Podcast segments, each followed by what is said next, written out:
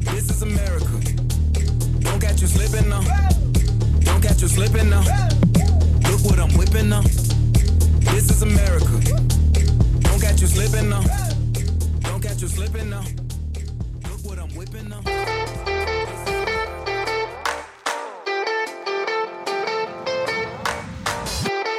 Du på Magnus och Peppes podcast.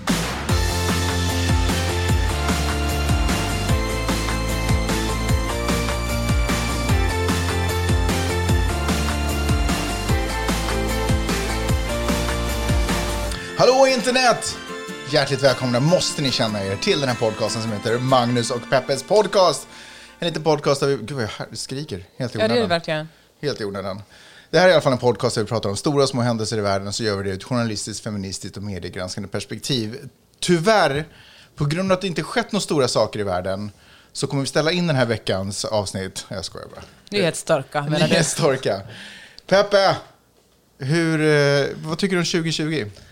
Alltså, det här året har ju eh, varit ett spännande år kan man säga. Mm. Det har ju hänt ett och annat. Alltså vi är redo för nyårskrönikan så vi kommer köra den nu för att Ja. vi pallar inte. Jag sitter typ och väntar, jag vill inte vara den som är den, men jag sitter typ lite och väntar på att jordbävningen också ska slå nu. Jag tänker att det är inte alls en omöjlighet. Den Nej. är riktigt stora. Den som äter upp hela Kalifornien. Ja, precis. Är du förberedd? Eh, liksom, jag är trött, så låt den komma. Jag är trött. Alltså, nu raljerar vi lite, men jag känner verkligen också en sån här trötthet. En sån här, en trötthet som jag känt genom hela våren och som nu har eskalerat. Inte att jag, jag går liksom inte omkring och är aktivt rädd eller stressad, men det finns en sån här subtil energislukare i mig. Det går, att tänka, går liksom och, som bränner på hela tiden och tar upp min energi. Vad kommer att hända nu? Precis, för det finns en, det är ju liksom, förutom du vet hur året börjar, hur ska man ta hand om sina egna barn, vad är hemskolning för någonting, till liksom spänningar överhuvudtaget, att man har en president som konstant har tweetat här nu i fyra år, underligheter, frustration, ilska, sorg, liksom eh, allt det här som bara ligger och, som inte kommer, kan komma ut någonstans om det inte vore för den här podden i och för sig. Som jag Ja. måste ändå säga är ett litet, en litet locklyft. Ja. Ett litet typ i, i mitt liv. Jag antar att eh, alla vet vad som hände. Nej men vänta, vi kan ju inte bara dyka rakt ner i det här. Nähä. Nej men för jag känner att jag måste på något sätt ändå värma upp lite. Eh, Okej. hur har din vecka, alltså, alltså din personliga vecka, hur har den varit? Men, ska jag svara något om hästar nu igen? Det känns ju... Nej, nej men alltså hur har, du, hur har du mått den här veckan? Nu får du liksom ta in det som händer i världen, för du, det går ju inte att inte vara påverkad. Alltså, jag har mått, precis som hela våren, väldigt upp och ner. Jag har fått jobba jättemycket och det har gett mig otroligt mycket energi. Det har varit så roligt att få vässa sin hjärna och fundera kring vad jag tycker och tänker och sammanfatta det som har hänt och lärt mig mer om USAs historia och också använt sånt som jag har kunnat på något sätt latent, saker som jag lärde mig på USC när jag pluggade där och kunna på något sätt sätta ihop det till ett paket. Och eh, alltså det har varit kul. Sen har det varit otroligt eh, berörande. Alltså jag har varit verkligen... Alltså det har varit less, det har, alla protesterna, att gå med ett protesttåg, vilket vi ju gjorde båda två på söndagen, är jättefint, men det är ju också väldigt dränerande. Att se alla de människorna också på ett fint sätt gå och protestera för det, mot det som händer i det här landet. Så det, har varit, ja, men det, var, det var stort, tycker jag. Det är också, eh, det är också eh, att, att gå i, den, i i det tåget med barn. Ja. Vi har gjort, vi var ju i en annan protest också när Trump precis hade blivit invald. En Eh, Women's March. Ja, precis. Så då var vi också där och då var ju Vidar så pass liten så han satt på mina axlar. Eh, nu så gick han bredvid oss och han ser ju förstås inte riktigt, eller har väl svårt att, alltså han fattar, alltså, fattar slash bryr sig inte om vad som händer i världen. Han vill se, spela spel och, och vara barn. Eh, och, och samtidigt så går man i, i, i ett tåg som är viktigt. Liksom. Fast vet du vad skillnaden mellan de här två demonstrationstågen är? Det som Women's March var ju otroligt mycket positiv energi. Det var män också, men ändå mest kvinnor. Folk, var liksom, folk, folk protesterade mot någonting, men det var ändå på något sätt ett ganska... Det var vi tillsammans, ett glatt tåg ändå. Men det här eh, protesttåget, det var, folk var ledsna och arga Ja, och frustrerade. Och, eh, och, hade, och det här var liksom dag, jag tror det var dag sex eller dag, nej, så många, kanske dag fem efter mm. protesterna hade börjat. Och då hade man ändå sett så många bilder på sociala medier och filmsnuttar på TVn om hur poliser blir jättevåldsamma mot de här protesttågen. Hur det räcker med att en person kastar en sten och så börjar så hända någonting och folk börjar springa och polisen börjar spruta tårgas. Och det tyckte jag var, det var ju en helt fredlig protest, ingenting hände, men jag gick ändå hela tiden med det i bakhuvudet. Mm. Jag stod bara en meter bakom liksom en, en, ett gäng poliser och de är ju, eh, som man säger i USA, heavily armed. De har ju mm. allt på sig. Det är konstigt att de ska röra sig, de har så mycket vapen och, och så liksom, så här, du vet sådana handklovar som inte är handklovar utan så här plastband som ja, man knyter ihop paket med. Mm, precis. Som man bara kan dra åt ett håll och sen måste man klippa upp dem. Ja, precis. Och, eh, ja, men, och ingenting hände, poliserna var stränga men vänliga, men det var ändå ett... Eh, ja, jag var på helspänn hela tiden, det var jag absolut inte när vi gjorde Women's March. Mm. De protester som vi pratar eller demonstration, den demonstrationen som vi pratar om är ju inte den som har varit i West Hollywood eller den som har varit i downtown eller för övrigt i någon annan stad eller stat i, i USA. Utan vi hade i förrgår, eller dagen innan förrgår, någonting sånt, bara för några dagar sedan, så hade vi en demonstration i Santa Monica där vi bor. Och den demonstrationen började egentligen bara en, ett kvarter nerför mm. för gatan som vi bor i. Och så löpte den liksom söderut, bort ifrån vårt hem, för att sen vända om och skjutsas tillbaka till vår dörr egentligen. Mm. Och sen vika av och, och, gå upp för, för Köpgatan som, som är här. Eh, och det var ju, alltså, det var ju lugnt mm. och det var en fredlig atmosfär. Mm. Men när, man inte, när det här landet är så oförutsägbart på så många sätt, när det, är så, när det, finns, det finns så mycket... Det är ju en tryckkokare, liksom, mm. och man vet aldrig var det poppar upp. Liksom, mm. och, vad som, och magnituden av en, en explosion, liksom, vad det kommer resultera i. Så det, ju, det, var ju ändå nervöst, måste jag ändå säga. Speciellt när, när, när, när tåget stannade upp vid någon form av, det var inte barrikader som, men liksom där polisbilar hade sagt stopp tills mm. vidare. Mm. Eh, så då, då, då var det liksom sådär, shit, då vill jag och ta barnen och backa undan, in, krypa in i vår lägenhet och gömma oss ett litet tag. Mm, det är bra att ni gjorde det. Gatan överhuvudtaget som vi bodde på är ju egentligen, alla affärer var ju, så gott som alla affärer igen spikade. Allt det, det enda som är öppet är typ Starbucks. De är som kackerlackor. Mm. Det är de enda kafeterierna i stan som har öppet. Eh, ingen vandalisering i vår sida av stan. Eh, men inte hemskt, alltså Santa Monica är ju inte en gigantisk stad på det sättet, men några kvarter ifrån det som är vårt lilla downtown, så där, där hade det varit viss skadegörelse. Eh, och på, nog var det väl skadegörelse i den bemärkelsen att det liksom stod eh, att det var sprayat BLM, Black Lives Matter, på, på de här... Um, men alltså det var ju ordentligt, det var, folk plundrade ju Jo, precis, men jag menar på vår gata. Men sen nere i downtown, ja. så där, var det ju, där, där förekom det viss plundring och polisen mm. sköt tårgas. Eh, och, så, och, nu så, och så blev det... Vad heter curfew på svenska? Utegångsförbud. Utegångsförbud och så, kallade, och så blev det massa arresteringar. Och sen så kallades nationalgardet in, eller vad det heter. Eh, och nu så är det alltså pansarbeprydda fordon tillsammans med män och kvinnor klädda i militär utrustning och maskingevär som står och går längs med våra gator. Och inte för att det just nu är upplopp, utan för att, inte, för att avskräcka ifrån eh, huliganism och Alltså det är ju så konstigt. Att vi lever mitt i en pandemi och vi lever i en stad, det är ju Santa Monica på inga vis den enda staden, också i West Hollywood och i ja, ja, ja. Jo, det här är, också precis, det här är hela countyt. Mm. Men att uh, det verkligen finns, uh, men också finns militärer på gatorna. Mm. Som, det är ju helt absurt. Det ser ut som bilder som man ser från Afghanistan vanligtvis. Mm, ja, det, ja jag förstår vad du menar. Ja. Och då när vi åkte ner för gatan stod det ett gäng kravallpoliser och uh, drack kaffe på gatan. Ja. Det var också men att de är en vanlig del av stadsbilden. Ja. ja men det är så... Ja, jag har svårt att... Uh, jag tror att vi alla befinner oss i något slags lätt chocktillstånd. Först när det här allt är över kommer vi att se tillbaka och säga att vänta lite, vad hände egentligen? Jag kan känna det. Alltså jag, jag är spänd i kroppen hela tiden. Beredd på vad nästa sak är som ska hända. Eh, och jag är, inte, liksom, jag är inte rädd för situationen. Jag tycker inte att situationen, den ilska som, som blossar upp på, i städer runt omkring i USA, eller världen för den delen nu för tiden, jag tycker inte att den är obefogad. Jag tycker inte att det är, är dumt. Jag fattar att folk krossar fönster och är arga och tar ut eh, ilska mot eh, eh, vad man nu än tar emot det. Jag, jag, kan, jag kan respektera och jag förstår det, men jag, jag känner fortfarande att jag är Jag är typ beredd på någonting. Beredd i min kropp på någonting. Får jag säga en insikt jag fick om krossade rutor och plundring? Jag har så nästan, eh, du vet vissa saker säger man nästan automatiskt. Man hör det någonstans och sen tycker man att det låter vettigt och så bara upprepar man det för att man aldrig tänkte själv igenom det utan man bara hörde det och gjorde, avgjorde snabbt att det här, det här låter bra. Och det är att eh, man ska demonstrera, alla demonstrationer är bra, alltså fredliga demonstrationer, men man kan absolut inte acceptera plundring och skadegörelse. Det, det måste genast fördömas. Och eh, jag, eh, men jag pratar med folk och jag har liksom fått smartare människor än jag har sagt saker i poddar och, och jag har faktiskt insett att jag tror att jag tycker, eller så här, det är ju inte de allra rikaste som drabbas av plundringen. Men för att eh, nyhetsmedia ska skriva om det som pågår här krävs mer än fredliga demonstrationer.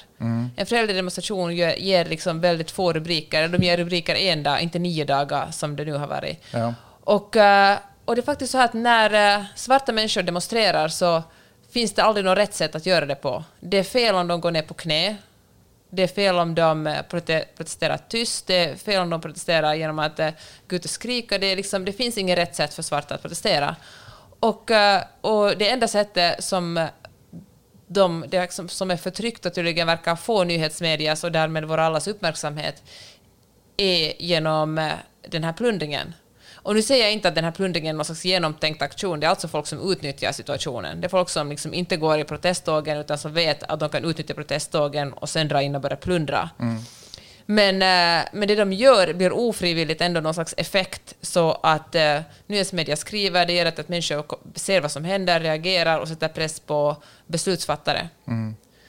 Och sen tycker jag också det finns en viss eh, en tankevurpa man kanske ofta gör som, som vit och privilegierad, att man känner att, om man, om, att det är på något sätt fruktansvärt först när det sker plundring, inte så jättefruktansvärt att det här är människor som har varit, svarta människor som har varit förtryckta i 400 år. Liksom. Först genom slaveriet, sen med Jim Crow-lagarna, segregation, liksom, det var ju alltså så jag tänker att eh, om det är någonting man ska vara upprörd över och någon slags våldshandlingar som, som ska chockera en, så är det snarare det, de här liksom, polisens övervåld mot svarta, den här institutionaliserade rasismen som gör att så långt många fler svarta sitter i fängelser som är långt mer ekonomiskt drabbade, eller både fysiskt och ekonomiskt drabbade av, av covid-19. Alltså jag kan ju hålla på hur länge som helst. Vet. Men det är ju någonting som verkligen kräver att vi blir upprörda lite mer än ett krossat fönster här och där. Känner du till en person som heter Tamika Mallory? Nej. Eh, Jag klippte Britta och Parisas podcast som ni absolut ska lyssna på, som också pratar om det här. Vilken podcast pratar inte om det här just nu? Eh, Så då hade de med ett klipp eh, från en, eh, en ung kvinna, Tamika Mallory, som, som håller ett brandtal i samband med de här demonstrationerna, just apropå lo- looting och sådana saker.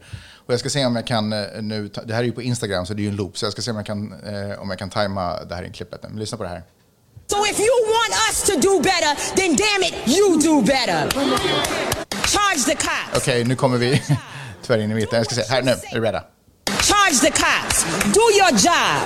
Do what you say this country is supposed to be about the land of the free for all. It has not been free for black people, and we are tired. Don't talk to us about looting. Y'all are the looters. America has looted black people. America looted the Native Americans when they first came here.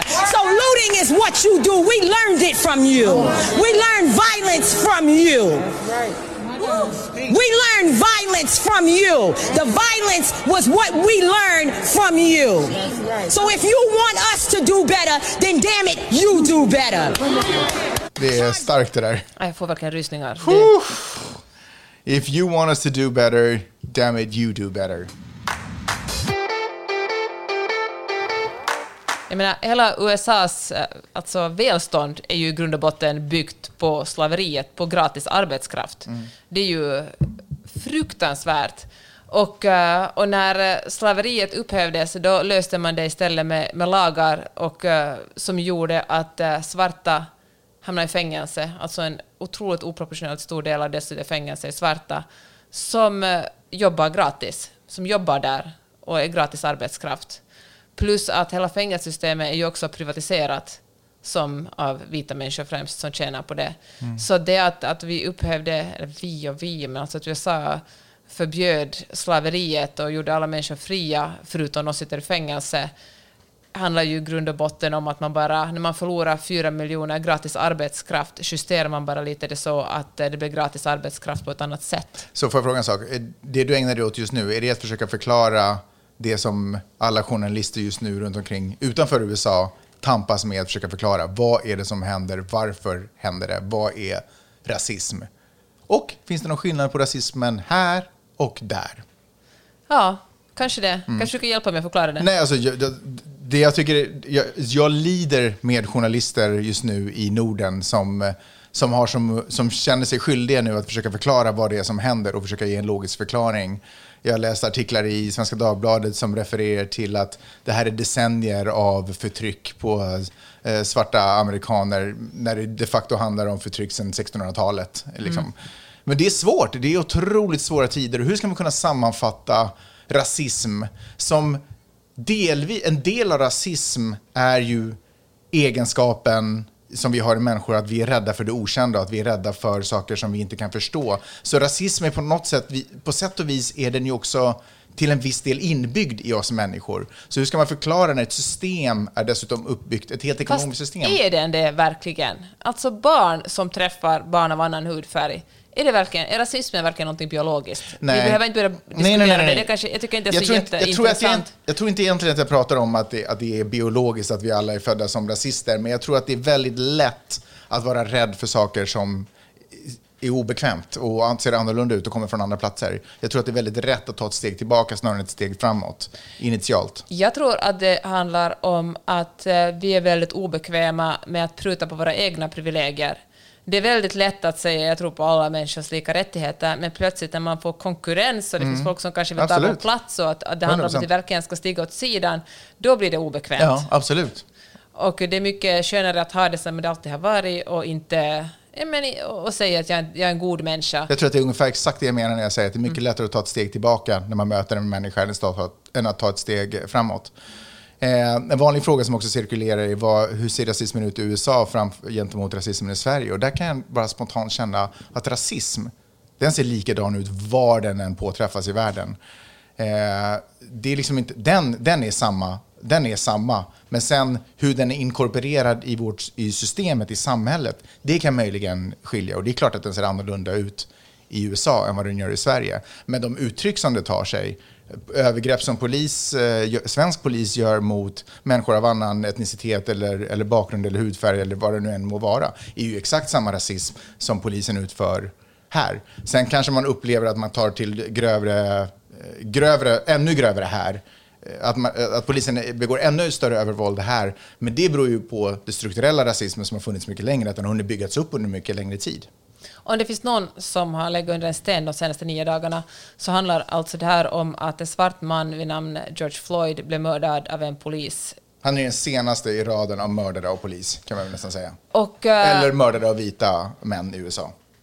det, ja, det hände. Det, och inte bara män utan kvinnor också, för inte så länge sedan som en kvinna skjuter in- inne i sitt hem av poliser.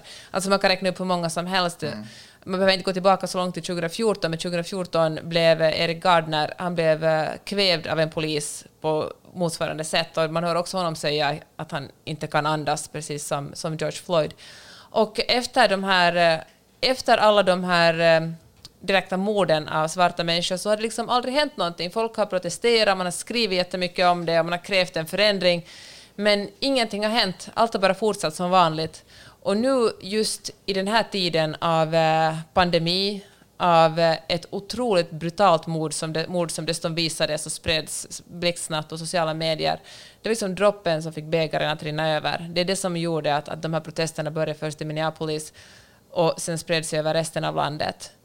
Och eh, just nu, pandemin har ju drabbat den svarta befolkningen extra hårt jämfört det är mångdubbla tal som har, som har förlorat sina jobb. För det första, för de jobben som först har rykt är, är framförallt serviceyrken.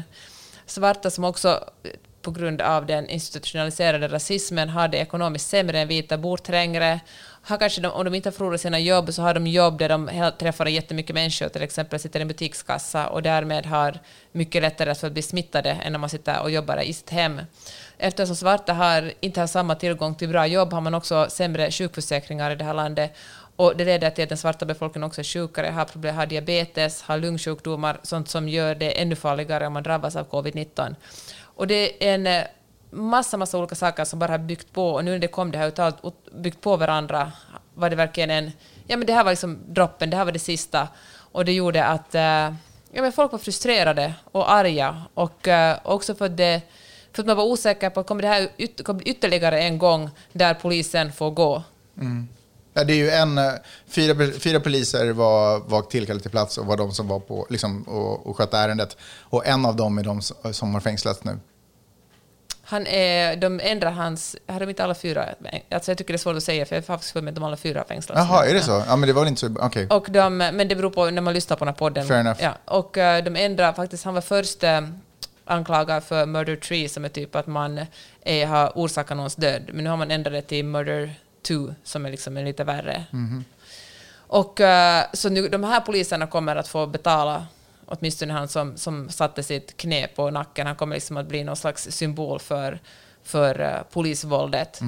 Och, eh, men traditionellt så har polisen haft väldigt stora befogenheter. Jag lyssnade på The Daily Podcast som, eh, där de talar med en, en journalist som bevakar just polisens våld bland annat och, och rasism. Hon sa att det första hon, hörde, hon tänkte när hon hörde om de här poliserna, att de, fick- de fick ju alla fyra sparken till att börja med, tänkte hon sådär att, att den här, de kommer att vara tvungna att, att rehire, alltså anställa dem igen, eftersom polisens anställningsskydd är så otroligt starkt och det är så svårt att, att döma poliser. Så det är en... eh, ja, Alltså, eh, om de här, alltså, om de här poliserna inte döms, alltså, då, då, är, det, då, vill, då, är, det, då är det läskigt. Då vill inte jag. Då, nej men det, alltså de, jag, det finns ingen chans att de inte skulle dömas. alltså, menar, de som spöade på Rodney King frikändes ju. Det är därför det blev riots Mm. i LA 91. 92. 91. Han blev misshandlad 91 och det här riotsen var 92. Shit, alla älskar en besserwisser. Ja, men har inte fel då. Fair enough. Ja.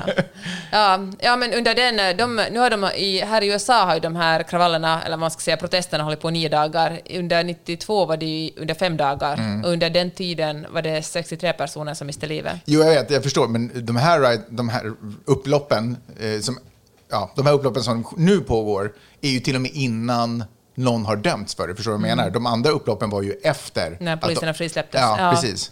Så förstår du vad jag menar? Att det, det som puttrar nu, om, om det nu, om världen som ändå är redan nu uppenbarligen en flippad plats och vad som helst uppenbarligen kan hända och jag vet inte ens om himlen är uppe längre Mm. och marken är nere. Men om de här nu på något sätt, underligt sätt, lyckas frikännas eh, så eh, då jag- alltså, då vågar jag inte ens föreställa mig vad, Mm. vad som kommer hända. Nej. Det är ju liksom, då är det ju världskrig i det här landet. Till, eh, saken blev inte bättre av att presidenten för det här landet, först gömde han sig i en bunker under Vita huset efter, på grund av protesterna i, i Washington DC. Och eh, sen fick han för sig att, det, att han uppfattades som en, en svag man och det är det värsta, det är liksom det värsta Donald Trump kan tänka sig att uppfattas som svag. Det är därför han inte heller använder ett, ett ansiktsskydd eftersom han tycker att det får honom att verka svag. Och då eh, då bestämde han sig för att göra ett, eh, en ett fotograferingstillfälle utanför en kyrka. Och eh, det fanns en massa protestanter rakt utanför Vita huset. Protestanter?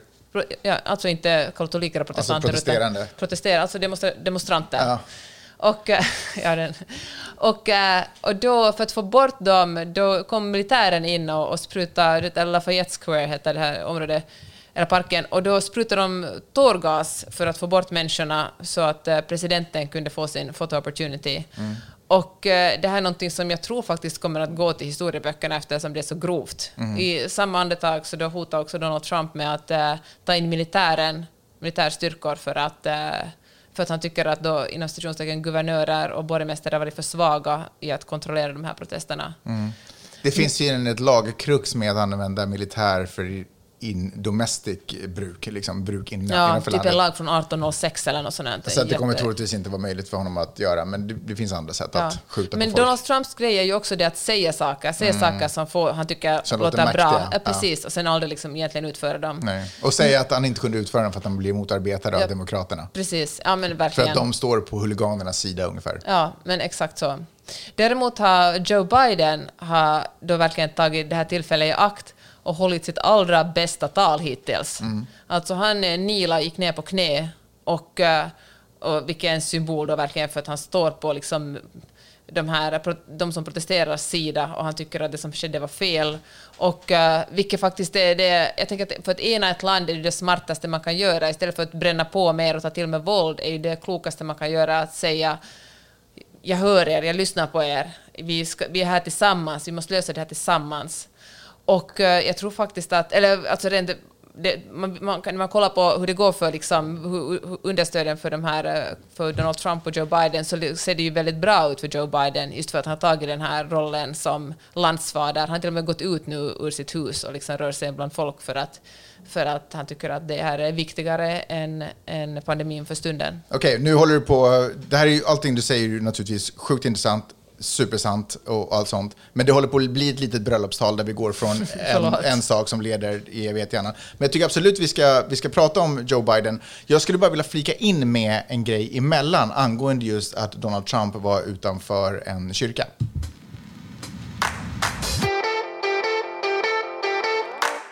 Känner till Deborah Messing? Vet du vem hon är? Känner till en gammal tv-serie som heter Will det and Grace? Ja. Exakt. Så hon postade en grej på Twitter, för det är nämligen så att i en av de här foto-opsen som Donald Trump har utanför den här kyrkan så står hon och håller i en bibel. Och då postade hon en grej på Twitter, en bild som skulle vara tagen av Hitler där han åker i en karavan och också håller i den här bibeln, inte samma bibel då förstått, men utan också håller i en Det bibel. är samma bibel. Nej, det nej, är men Da Vinci Code. Och hon är sådär, kolla det här är inte en eh, slump eh, att, att de här två bilderna existerar ungefär. För alla vill vara som Hitler liksom. Grejen är att den där bilden på Hitler är inte äkta.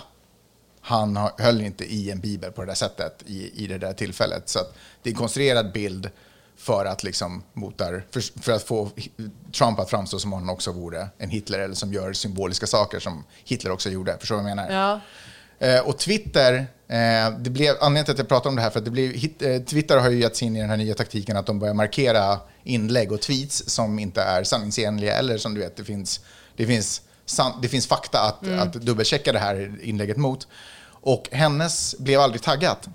Och då var det en, eh, en tidning, eller Newsweek, som ringde upp Twitter och var så här, varför har ni inte till exempel taggat den här grejen? Vad är liksom grejen? Eh, och då blev den naturligtvis också taggad. Men min fråga är, varför gör en Hollywoodskådespelerska liksom på det här sättet? Varför, varför vill man riskera en, en kamp och ett gott ändamål genom att Men visste hon det? Var det hon som hade liksom satt ihop den här bilden? Hon trodde kanske den var äkta. Alltså jag, har ingen, jag försvarar ju verkligen absolut ingen som delar okällkollat material på Nej. sociala medier. Men eh, alltså, jag bara kan inte svara vara så enkelt så att hon inte visste bättre. Ja, men jag bara tänker hur, hur viktigt det är. Jag tror att min poäng är att hur viktigt det är att när, innan man postar saker, att man faktiskt försäkrar sig Ja, om gud, ja. att det här är viktigt, att man inte bara, man kan liksom inte gå på känsla och på hjärta, utan man måste också kontrollera. För att om man har fel så kan det också motverka Mm. kvasen på ett så enormt eh, sätt, tycker jag. Ja men verkligen. Förlåt, det var en liten passus. Vi ger oss tillbaka till Joe Biden. Joe Biden har ju alltså steppat upp som landsfadern egentligen. Där Trump har failat i fyra år. Utan egentligen haft något... Det har egentligen inte kanske funnits något stort, lika stort behov som det har gjort det senaste halvåret. Men, eh, men oavsett som han failat har ju verkligen Joe Biden. Han har ju ty, typ till och med hållit tal till nationen nästan. Fast inte så officiella, men du vet, så som han har pratat, försökt lugna ner situationen, pratat precis så som man vill att en president ska, ska prata. Han har ju nu, eh, han står ju fortfarande i, eh, i valet och kvalet om man ska göra med sin eh, Vicepresident. VP, sin vice president. Och Amy Klobuchar, Du kan det, men jag ville dra den här grejen. Ska du dra det? Får du ta den? Nej, men, Nej, men ta den Låt då. mig bara avsluta meningen. Amy Klobuchar har ju varit nästan den givna. Väldigt populär. Hade man satt pengar för några veckor sedan så hade det varit på henne man hade satt pengar på. Men nu är det inte riktigt så längre. Eh, för att det också visar sig att hon inte bara har varit eh, åklagare i Minnesota-området eh, och varit, haft sin hand i närheten av inte speciellt lämpliga beslut och som framförallt inte har gynnat eh, svarta amerikaner som har stått eh, inför rätta. Eh, så är hon ju inte ett, egentligen ett aktuellt val, utan nu är ju pressen på att ha en svart VP, en svart kvinnlig VP. Och då finns det egentligen bara två att välja mellan. Vill du ta över? Men du hade ju förberett det här. Jag tänkte säga Kamala Harris och Stacey Abrams är väl de enda han kan välja mellan just nu. Kamala Harris, alltså uh, Kaliforniens. Kalifornien, som också har varit som, jobbat som åklagare i, i, uh, i Kalifornien. Precis, men vänta, det var inte... Stacey Abrams du tänkte på. Ja, det, kan, ja, nej, det var nog Kamala Harris. Det är absolut hon som verkar hetast eh, på listan, men jag kommer inte ihåg den andra. Hon kanske, heter, kanske hon heter Stacey. Vad tankar du om det? Jag, eh, men jag tänker som du att Amy Klobuchar måste att Joe Biden slopa efter det här. Det finns ingen chans att han skulle ha henne som VIP. Nej. Han måste nog tyvärr också, tror jag, slopa, slopa Elizabeth Warren. Mm, Ja, blir- det går alltså, inte heller. Att Nej. ha liksom en, en vit dam går helt enkelt Nej. inte. Det blir en Karen, liksom, Aha. vare sig man vill det eller inte. Men uh, jag, jag tror, alltså jag, jag tänker på Kamala Harris. Jag tror verkligen att hennes chanser steg väldigt mycket nu. Mm. Jag tror, hon låg ju inte jättelångt bak i fältet innan det här heller, utan tillsammans med Amy Klobuchar var hon väl en av de kandidater som, eh, är det nu Secret Service eller vem det nu är som kollar att allt är okej med innan de kan bli ens Ja. vicepresident. Men jag är inte arg på det valet. Jag, jag tycker att hon verkar vara Ja. bra och stark. Jag, jag är faktiskt supernöjd med det. Jag med. Mm. Ja, var det det? Eh, Det var, det var det jag hade att erbjuda Ja, jag tycker det var bra. på den fronten. Men, men också framförallt hur han har steppat upp och på något sätt redan nu agerar presidentiskt. Men det är intressant det där, för att man har ju verkligen, som jag sa i förra podden, har jag nästan varit nervös innan han har pratat, för att, inte för att jag nu berör mig personligen så otroligt mycket, men jag hade känt en så här underliggande nervositet för att han ska säga någonting dumt. Och plötsligt bara, när det gäller, när det verkligen gäller, då säger han alla de rätta sakerna. Han bara, kanske han är en sån som jobbar jätte, jättebra under press. Samtidigt så är det ju inte superlätt och supersjälvklart att, jag menar om vi ska tänka poli, eh, politikstrategiskt, därför att rasismen är fortfarande stark i det här landet, som vi märker. Och om han skulle välja en svart VIP så riskerar han att tappa väldigt mycket av Middle Americas eh, röster. Som man kanske i, princip aldrig egentligen skulle ha haft, men framförallt nu i och med det skulle säga, för han är 78 år. Fyra år så är han 82. Men tror du verkligen att rasismen är så grundmurad? Vi får se. Han är ändå en vit gubbe liksom. Det var, det var de spekulerar om i, i artiklar och sånt som jag läst. Jaha. Ja, jag vet faktiskt inte. Och sen kanske vi ändå är lite hårda mot liksom Middle America. Det måste ju ändå finnas antirasister där också. 100%. Jag tänker snarare att hela den här, eh, det som har hänt nu de senaste nio dagarna kommer att få folk som annars inte kanske var så sugna på att gå och rösta just för att valet står mellan två vita män, Mm. nu kommer att gå till valurnorna och att det generellt kommer att gynna Joe Biden. Mm. Tror du Donald Trump som hävdar att han är egentligen den som har gjort mest för de svarta amerikanerna i USA, eller de svarta amerikanerna egentligen, eller USAs svarta befolkning, eh, mer än vad Joe Biden någonsin lyckats åstadkomma på 43 år. Eh, så har han faktiskt, han, Donald Trump dristade sig till att säga att det kan finnas en som har gjort lite mer och det skulle möjligen kunna vara en annan republikansk president, nämligen Lincoln. Ab- Abraham Lincoln. Men alla andra vinner han med hästlängder. Men tror du att det finns en suck i helvete att kan man byta ut en VIP inför en ny valmandat förresten? För en ny, eh, val, eller för en ny presidentperiod. Kan han byta ut Pence mot en svart VIP? Jag tror det.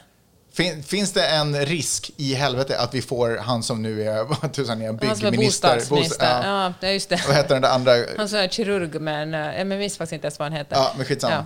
Vad tror du? Ah, För ja. att liksom eh, Nej, men Donald Trump bryr sig ju vissa poäng. inte. Alltså, nej. Det finns verkligen inte en suck i helvete. Mm. Det tror jag absolut inte.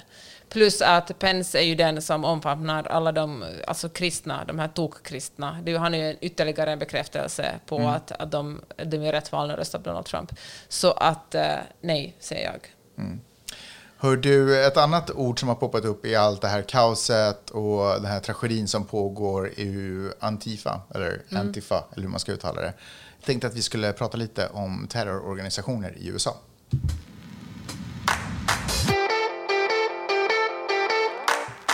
Donald Trump eh, nämner ganska ofta just den här, eh, inom situationstecken, organisationer. Det är ju inte en organisation egentligen. Men eh, det vill säga att det inte är en Det är snarare en rörelse. Det är snarare en rörelse, exakt. Men han nämner dem väldigt ofta som en del av huliganismen som pågår, som en del av orsakerna till plundringen. Och han har ju inte helt fel där. Han börjar ju nämna dem i och med Charlottesville 2017 när... Vänta, här- vem började lämna dem? Donald Trump. I och med, kommer du ihåg de här, när en kvinna dog, när de här nya, nyfascisterna gick. Och, Ja, eh, 2017, herregud, jag fick för mig att du sa 1917. Nej. Vad händer nu? Ja, nej, och, men eh, precis. och då... De var ju där också. de var ju där precis, för de, Antifa står ju för antifascister. Ja, ska vi vara helt ärliga så kommer det faktiskt från det tyska.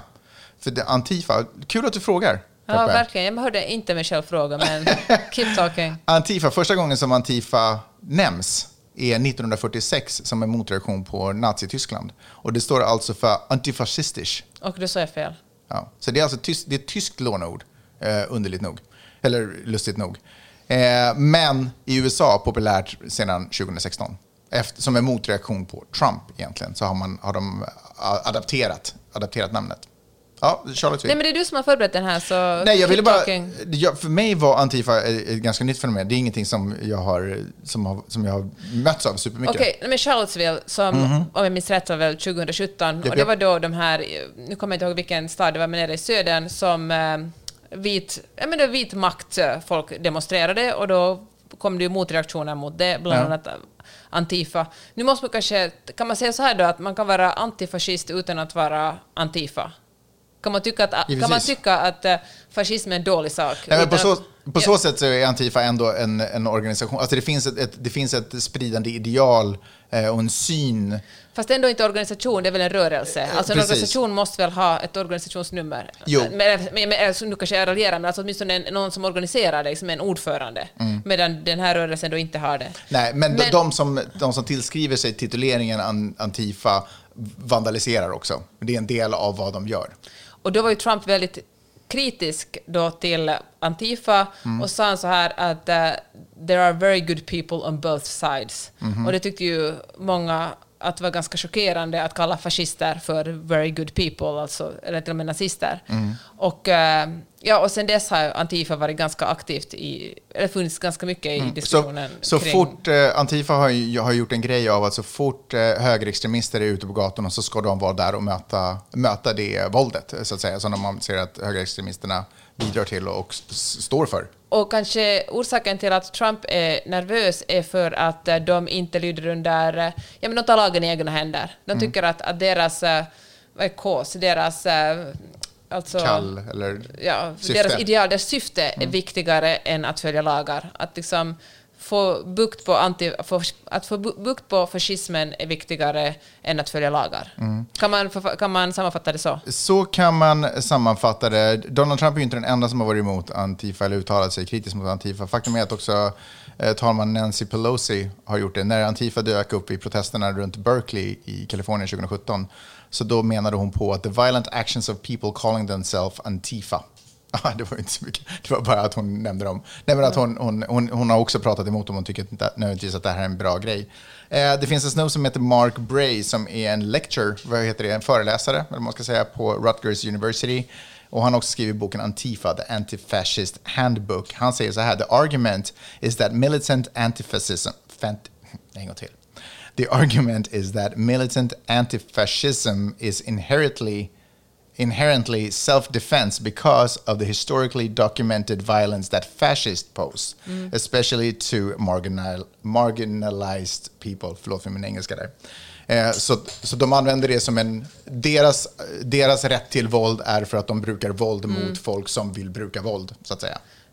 Okej, vad är din analys på det? Vad känner du när du läser det här? Eh, jag, känner att det är en naturlig konsekvens. Alltså när folk slår så efter ett tag så vill folk slå tillbaka. Jag kan mycket väl Det är köpa... som Fantomen, va? Ja, typ. Ja, så.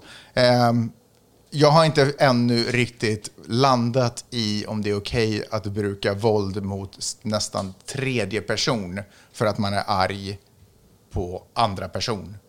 Ehm, jag har inte riktigt landat där, men jag kan absolut, det här cita- citatet som vi hörde tidigare om att you taught us looting, jag kan köpa det. Jag kan 100% höra det.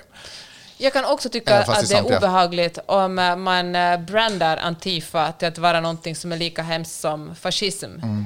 Och att då blir det verkligen sådär att, att, eh, att det är två... Att då ger man på något sätt... Ja, man sätter dem på något sätt på samma... De som är emot förtryck och våld som då fascism är, eller liksom separerande av människor och indelande av människor i, så att människor har olika värde. Mm. Och de som är emot det är lika illa som de som är för det. Mm. Det är ju att, att göra dem som likvärdiga dåliga saker. Ja, det- dåliga men du fattar vad jag menar? Jag fattar 100% vad du menar, för någonstans så kan jag ändå derivera ner det till att om den ena gruppen inte existerar så existerar inte den andra gruppen. Men när det kommer till högerextremism så existerar den ändå. Än så länge måste ju ändå högerextremism vara ett enormt mycket större problem än Antifa. Det finns en person som kallar sig, eh, ja, eh, så det, det, den där är jag också. Det finns en person som kallar sig själv för, för Crow, som har varit med, eh, som har tillskrivit sig Antifa i eh, 30 år. Och han säger så här, 30 år, det är ganska lång tid. eh, I alla fall. Han säger så här att the idea in Antifa is that we go where they, alltså the right-wingers, go. The hate speech is not free speech. That if you are endangering people with what you say and the actions that are behind them, uh, then you do not have the right to do that. And so we go to cause conflict, to shut them down where they are, because we don't believe that Nazis or fascists or any stripe should have a mouthpiece. Vet du vad jag tänker då? Så här, att det, om man hör många, om man hör Nancy Pelosi säga att eh, the violence of Antifa, vad hon nu sa, Mm. att det inte är okej, då kanske man börjar tänka sig att ja, men Antifa det är ju en, som Trump säger, en terroristorganisation. Eller om han bara säger det, han kommer ju aldrig att kunna göra en organisation, en, en rörelse som inte är en organisation är ju svårt att terroriststämpla. Mm. Det, det, går, det, liksom det går ju inte. Det är som att säga att alla människor som är dumma i huvudet är en terroriströrelse. Okej, vad gör man sen då? Liksom? Mm. Jo. Men, men får jag bara säga, Ja. så om man brandar den här rörelsen som någonting negativt, någonting farligt, sånt som man ska vara rädd för, då kanske man får folk att tro att det är så här, Mm. att man inte vill stödja antifascism. Var är man då liksom? Ja. liksom stöder man, tycker man att det är mer okej med fascism, eller att det är lika okej med antifascism som fascism. Så jag tycker att det här är också en sak, det som vi började tala om i början, att man måste fundera, vad man, när man hör någonting, måste man fundera på, tycker jag verkligen det här, vad innebär det här på riktigt? Istället för att bara köpa det och tycka, tro att det här är rätt åsikt. Nu fattar jag att om något som Donald Trump säger så kanske de flesta av er, ni som lyssnar på den här podden, säkert inte tycker att det är klockrent. Men om till exempel någon som Nancy Pelosi eller någon annan person som man kanske annars har förtroende för säger någonting, kan, man, då kan det löna sig att fact, faktkolla, faktakolla det också. Mm. Fact-checka. Någonstans så är det väl ändå så att eh, om, en, om en grupp beter sig våldsamt och illa mot en annan grupp så förr eller senare kommer den andra gruppen att flippa och bete sig våldsamt och illa. Och då är det, känns det svårt och tungt att vara så här, nu måste vi fokusera på fred och lugn. Det skulle vi ha gjort århundraden innan. Där jag någonstans ändå upplever i förlängningen, eh, eller vad jag nu ska säga, roten är ju ett, ett fallerande i ledarskap. Att ledarskapet inte har kontrollerat extremistgrupper till höger eller till vänster gör ju att det behöver inte gör ju att det skapar motreaktioner till höger och till vänster. Så det är ju ett brist i ledarskapet. Eh, om man tar tag i de här sakerna direkt när de uppstår så tror jag att det är mycket lättare och då behöver man inte ha folk som huliganiserar. Om man tar tag i poliser, boom, fucking in i fängelse, beroende på lagen, vad man kan döma dem till. Bara styr upp det liksom. Ett annat sätt är att eh, på något sätt fördela lika mellan människor. Att helt enkelt, och mycket handlar det här helt enkelt om ekonomiska förutsättningar och girighet. Alltså i USA är ju de klasskillnaderna enorma och de har ju inte på något sätt suddats ut på grund av att Trump har gett eh, skattelättnader de allra rikaste och, och hjälpt jättestora företag att, att bli praktiskt taget monopol.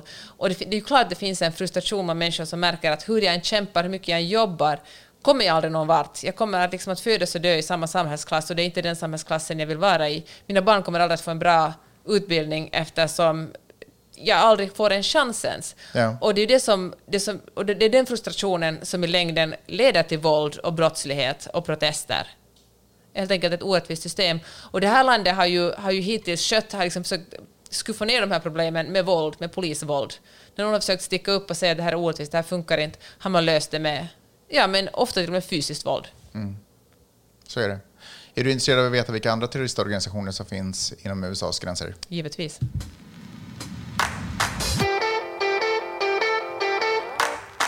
Eh, exilkubaner på, ja, när kan det tusan ha varit här, på 70-talet bildade organisationen Alpha 66 och Omega 7. Det klassas som en terroristorganisation.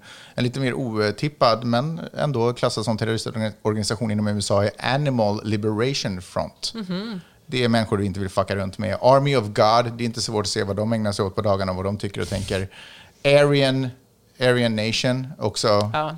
Jag kan också tillägga att de flesta av de här um, terroristorganisationerna, alltså de flesta, eh, nu, nu kommer jag typ hitta på ett procentantal, men någonstans i mitt huvud så var det som att 50% av alla terroristhandlingar som har skett innanför landet har antingen varit kopplat till religiös, nej över 50, eh, religiös fanatism eller white supremacy. Eh, Det, det, det finns, vi, sådär, vänster eller far left eller extreme left terrorism är inte supervanligt innanför det här landets gränser i alla fall. Atomwaffen Division, det är inte heller svårt att se var de hittar sitt ursprung. Black Liberation Army, utbrytargrupp från Black Panthers. Black Panthers. Uh, the Covenant, The Sword and the Arm of Lords.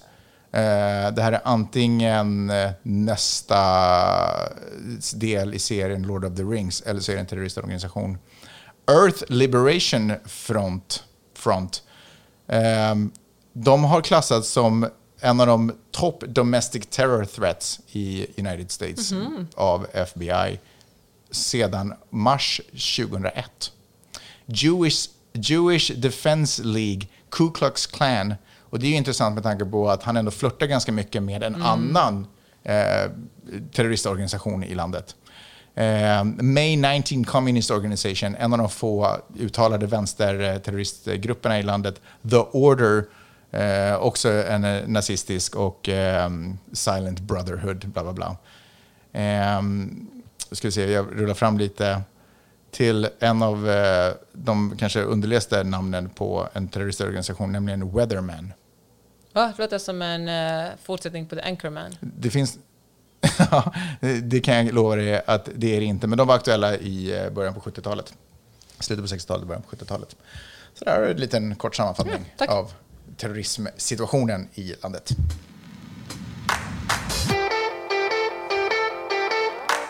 Jag skulle tala om ett fenomen som uppstod för någon dag sedan i form av svarta rutor på Instagram. Mhm. Oj då, vill du verkligen gå dit? Jag tänkte jag skulle försöka... Är det nu du kommer droppa bomben på ungefär sex- 90 procent av Insta... Nej men eh, precis som... Alltså, mitt flöde blev svart. Mhm. Och eh, jag, började, jag, jag la ut en, en svart kub jag också. Okej. Och, sen, och jag gjorde det för att jag är en så jävla ängslig person. För jag tänkte att om jag inte lägger Va, vänta, vad betyder det? Vad, vad menar du? Nej, men du vet den svarta kuben betyder Ja, ja. att man tycker att det är, rasism är dåligt. Ja, Och, kyss eh, vi också, du vet. Ja, men samma. precis. Ja. Och, eh, men sen tog jag bort den för att... eh, jag vet inte, för att jag verkligen kände inte den. Det kändes, alltså jag kände så att jag, jag står egentligen inte för det här. Orsaken till att jag la upp den var för att ingen skulle tro att jag är rasist. Och, och, och Mm. Du, nu- du måste utveckla lite att du inte står för den. Nej, men jag tänkte så här att, att eh, för att ofta när det händer sådana här kampanjer i sociala medier, då det, finns det folk som håller på liksom och, och jag vet till och med kollar vem lägger upp den här, vem lägger, det finns social, Instagram-polisen. Som alltså är självutnämnda poliser som går och kollar vem, vad man lägger upp och inte lägger upp. Och så tänkte jag nu kommer jag ändå att få någon fråga på Insta-stories om varför jag valde att inte lägga upp en och så måste jag förklara att jag inte, det inte betyder att jag liksom typ tycker att vit makt är bra, utan jag tycker också det som är fel som har hänt. Men eh, nu vill jag punktera att jag, jag, jag tror inte det för mig är något dåligt att lägga upp en svart kub. Nej. Jag tycker liksom det finns ingen, det har liksom ingen, jag vill inte fördöma någon som har gjort det, för att världen är mer komplicerad än att någonting är rätt och någonting är fel. Men jag tror att när man går med i sådana här kampanjer så finns det säkert många som tycker att eh, nu har jag visat att jag inte är rasist, så nu har jag gjort mitt, så nu kan jag fortsätta mitt vanliga liv. Och, och så gör man ingenting. Medan eh, de som verkligen är antirasister, de är aktiva, de gör saker annat än lägga upp grejer på sociala medier. Det kan vara någonting så enkelt som att eh, betala in pengar till en antirasistisk organisation. Eller till exempel här i USA en, en bail fund som hjälper svarta människor som har protesterat och blivit tagna av polisen att få komma ut ur, ur, ur fängelse. Det behöver liksom inte vara mer komplicerat än så. Men jag tycker att det som eh, Problemet med de här eh, svarta rutorna är då ett, att man kanske tror att man har gjort sitt för antirasismen. Obs! Att säga att jag har flera svarta vänner diskvalificeras som att jobba för antirasism nu i det här fallet. Okej. Men jag tror också att eh, det, bör, liksom, det leder till en diskussion kring hur man ska göra. Vilken hashtag får man använda, vilken får man inte använda? Hur, eh, vilken sorts, får man lägga upp en, en, en knuten knytnäve? Ska man lägga upp en, en, ett svart med ett, ett hjärta? Och liksom, istället för att tala om de viktiga frågorna som handlar om antirasism, hur kan vi göra för att leva i en värld där svarta människors liv har lika mycket värde som vita människors liv, så fokuserar vi på det som känns tryggt och det är att kritisera varandra på sociala medier. Alltså diskussionen blir blixtsnabbt väldigt intern. Och nu kanske jag gör det också genom att ta upp det i den här podden, så vi behöver inte tala så mycket mer om det. Men, eh, ja, men jag inte överförtjust i, i eh, Instagram-kampanjer. Jag, tror, jag tycker det är så fint ut i flödet, jag tror inte det tillför så stor skada, men de som tror att det verkligen har en betydelse, tror jag att tror fel. Jag kan se att det kan ha betydelse i den bemärkelsen att när någonting stort, när fenomen sker, så tänker jag att också beslutsfattare ser det och blir inspirerade att också fatta bättre beslut, tänker jag. Det är ju ett sätt ändå, hur litet det än är, så massan gör ju att det blir ett kraftfullt budskap någonstans.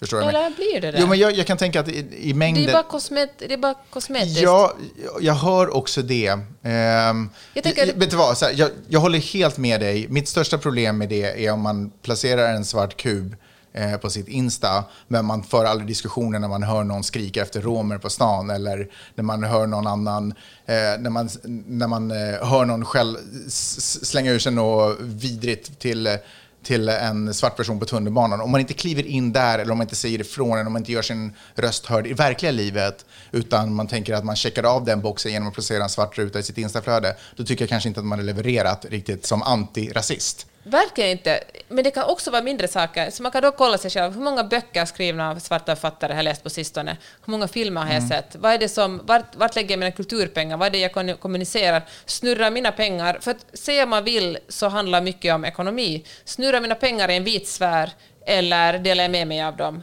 Kan jag stiga åt sidan och ge plats åt någon som inte är lika privilegierad än jag? Ja. Alltså, nu vill jag verkligen inte säga att jag är den goda människan med, med liksom stora bokstäver, men eh, jag tycker att, eh, och jag måste också checka mig själv, såklart. Det måste vi alla som är privilegierade, men jag tycker att det är helt enkelt, ah fan, jag blir arg när någonting är, är lite, om det någonting är för lätt, brukar det oftast inte leda till jättestora förändringar. Men med det sagt så tycker jag inte att nödvändigtvis att det ena utesluter Absolut det andra. inte. Man kan vara en person som gör båda sakerna. Man kan vara en person som tar diskussioner om när en, en ordet yppas i sociala sammanhang och så kan man vara så att jag tycker inte att det här är okej och jag ska förklara varför. Man kan vara den personen. Eh, och så kan man vara, och så kan man lägga upp en svart ruta på sitt Absolut. Insta för att, för att visa sympatis, Och det gör sympati. säkert alla som satt upp en svart ruta. Men, men lyssna, eller, för mig, kolla så här, för mig är det den svarta rutan eller den här 23 eller vad tusan är det nu är. För det kommer ju alltid de här äh, sakerna Mm. som vi förväntas göra på sociala medier. För mig är de samma sak som tyst minut är. Att man tar ett ögonblick där man, medan man lägger upp den här på något sätt lite mediterar över varför jag lägger upp det här. Och så är det på något sätt en tyst minut för att hedra, för att hedra, jag vet inte, är du emot tysta minuter också? ja, nej, men ofta när Varför man har en tyst minut... är inte är det då- kanske det mest meningslösa man gör? Stå apatisk i en minut och bara, that's it. Fast ofta är det då när man hedrar de minne som har dött. Nu Men det är handlar, inte det som har hänt här nu. Nej, nu handlar det om en hel, ett helt folk. Det handlar om svartas rättigheter, svartas Mm. rättigheter till liv. Det handlar inte bara om George Floyds, att, han blev, att George Floyd blev mördad. Det handlar delvis om honom. Men det handlar om något mycket större. Det handlar om att svarta människor skulle göra samma sak som jag gjorde igår. Igår hade vi utegångsförbud, men jag gick ända ut. Mm. För jag kände, jag var vit, det är ett rikt område. Jag, Alltså, i värsta fall tar jag presskortet med mig. Ingenting kommer att hända åt mig. Det kommer, skulle jag vara svart så skulle, verkligen, skulle jag ju aldrig ha kunnat göra det. Du skulle åtminstone vara tvungen att svara på några frågor, Ja. 100%. Och jag tänker så här att... eh, jag, jag, vet, jag tycker faktiskt inte att det är en... s- Att, och som sagt, man får lägga ut... Jag kritiserar absolut ingen som lägger ut. Jag önskar bara att de här människorna verkligen tänker på det själva.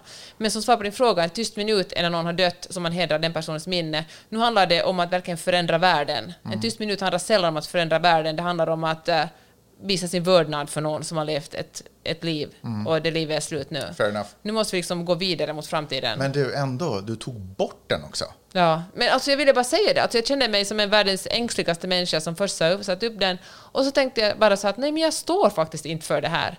Jag Men, kan, du, där, du måste förklara. Vad är det du inte står för? Du står inte för massor. Vad är det du inte står ja, men jag tycker för? faktiskt inte om såna masskampanjer heller. Jag vill liksom inte, jag tycker det är jobbigt att vara en del i sådana här masskampanjer. Är det så att du vill föra din egen kamp på ditt sätt, liksom, eller vadå? Nej, jag vill istället fundera över vad gör jag faktiskt? För jag känner mig som en phony liksom. Jag, eller som, som ett fake. Jag känner att vad gör jag som är konkret? Jag talar, det, och det enda jag kom fram till, vilket ju också är otroligt eh, blekt liksom. Det som jag har gjort de senaste dagarna är att försökt förklara i olika medier vad som händer här i USA på ett så pass enkelt sätt så människor hemma i Finland och, Finland och Sverige ska förstå det. Och det är mitt fucking jobb, det är liksom ingen uppoffring från min sida. Men jag har använt min blogg för att försöka skriva om det här och tipsa om uh, svart kultur man kan kommunicera. Det är åtminstone det är pytte, pytte, pytte lite, men det är ändå... Jag vet inte varför du måste förklara dig själv. Jag anklagar inte dig för någonting. Jag Nej, men bara- jag tyckte det var du frågade vad jag gör. nej, nej, nej, nej, jag undrar... ka- eh, jag vet inte, jag tappade bort mig där. Jag bara, det är en sån aktiv handling att också ta bort. Alltså det finns ju ändå det här, eh, vi är många, vi är starka. Ja, jag vet. Du vet. Men jag kände inte som jag var ärlig mot mig själv. Jag tänkte att min ruta betyder varken det ena eller det andra. Mhm. Allt, eller vet du, jag tyckte att min... ja, ja. Jag, vet, jag, liksom, jag tänker att när man gör saker, vare sig det är världens minsta grej som man då lägger upp den här rutan, måste man förstå för sig själv varför man gör det. Man ska inte ryckas med i någon slags så här massrörelser om man inte är bombsäker på att man vill vara med här. Bara för att alla springer åt ett håll betyder inte naturligtvis att det är rätt håll. Nej. Och jag säger inte att det är fel håll heller. Det är kanske rätt för alla andra utan mig, men, men liksom jag tror att jag kan vara antirasist utan att lägga ut en svart ruta på mitt Insta. Jag tror inte att du på något sätt skulle kunna vara tydligare nu. Jag tror att vi fattar exakt hur du menar. Hör du... ehm, ja, var vi klara där? Jag tror det. Jag har inte skrattat en enda gång i den här podden. Skönt, för det finns helt seriöst ingenting att garva åt om jag ska vara helt ärlig. Ehm, jag vill bara att... Alltså jag är... Ska det, ska det vara så jävla svårt? Ska allt det här vara så jävla svårt? Va, alltså, vad i helvete? Skarpa. Nu, vad fan? Jag vill inte vara med längre, men eh, jag har inte värst, så jag vet inte ens varför jag... Jag vill inte ens gnälla. Jag vill, jag vill bara att folk fan var schyssta. Liksom sluta, fan, idioter. Men jag hör vad du säger, men jag tänker så här, det är lätt, väldigt lätt nu att man så att jag orkar inte mera. Och så går man och kollar på Netflix. Jag säger inte att Nej, du men- gör det, men jag kan verkligen känna igen den känslan att nu fan får det räcka. Men vi som verkligen inte utsätts för någonting, Nej, det är fan vi som måste orka vidare, som måste 100%. liksom kämpa, som måste stå, som borde liksom stå i främsta ledet och kämpa för folk som inte har samma rättigheter som vi. Det är fan vi som måste fortsätta. Vet du vad? Så här. Jag skulle bara behöva en paus och gråta lite för att världen är så jäkla mörk. Och så tänker jag att när jag har fått ur med den gråten så då kommer jag känna, då kommer jag fyllas av mer kraft igen. Och så ska jag fortsätta, fortsätta göra vad jag kan för att eh, dyka ner på orättvisor när jag upplever att jag ser dem och när jag vågar och när jag har kraft av andra eller mig själv att göra det. Men eh, nu skulle jag bara behöva typ tio minuter och bara gråta ut lite för att det är så mycket mörker just nu. Är du med på det? Ja.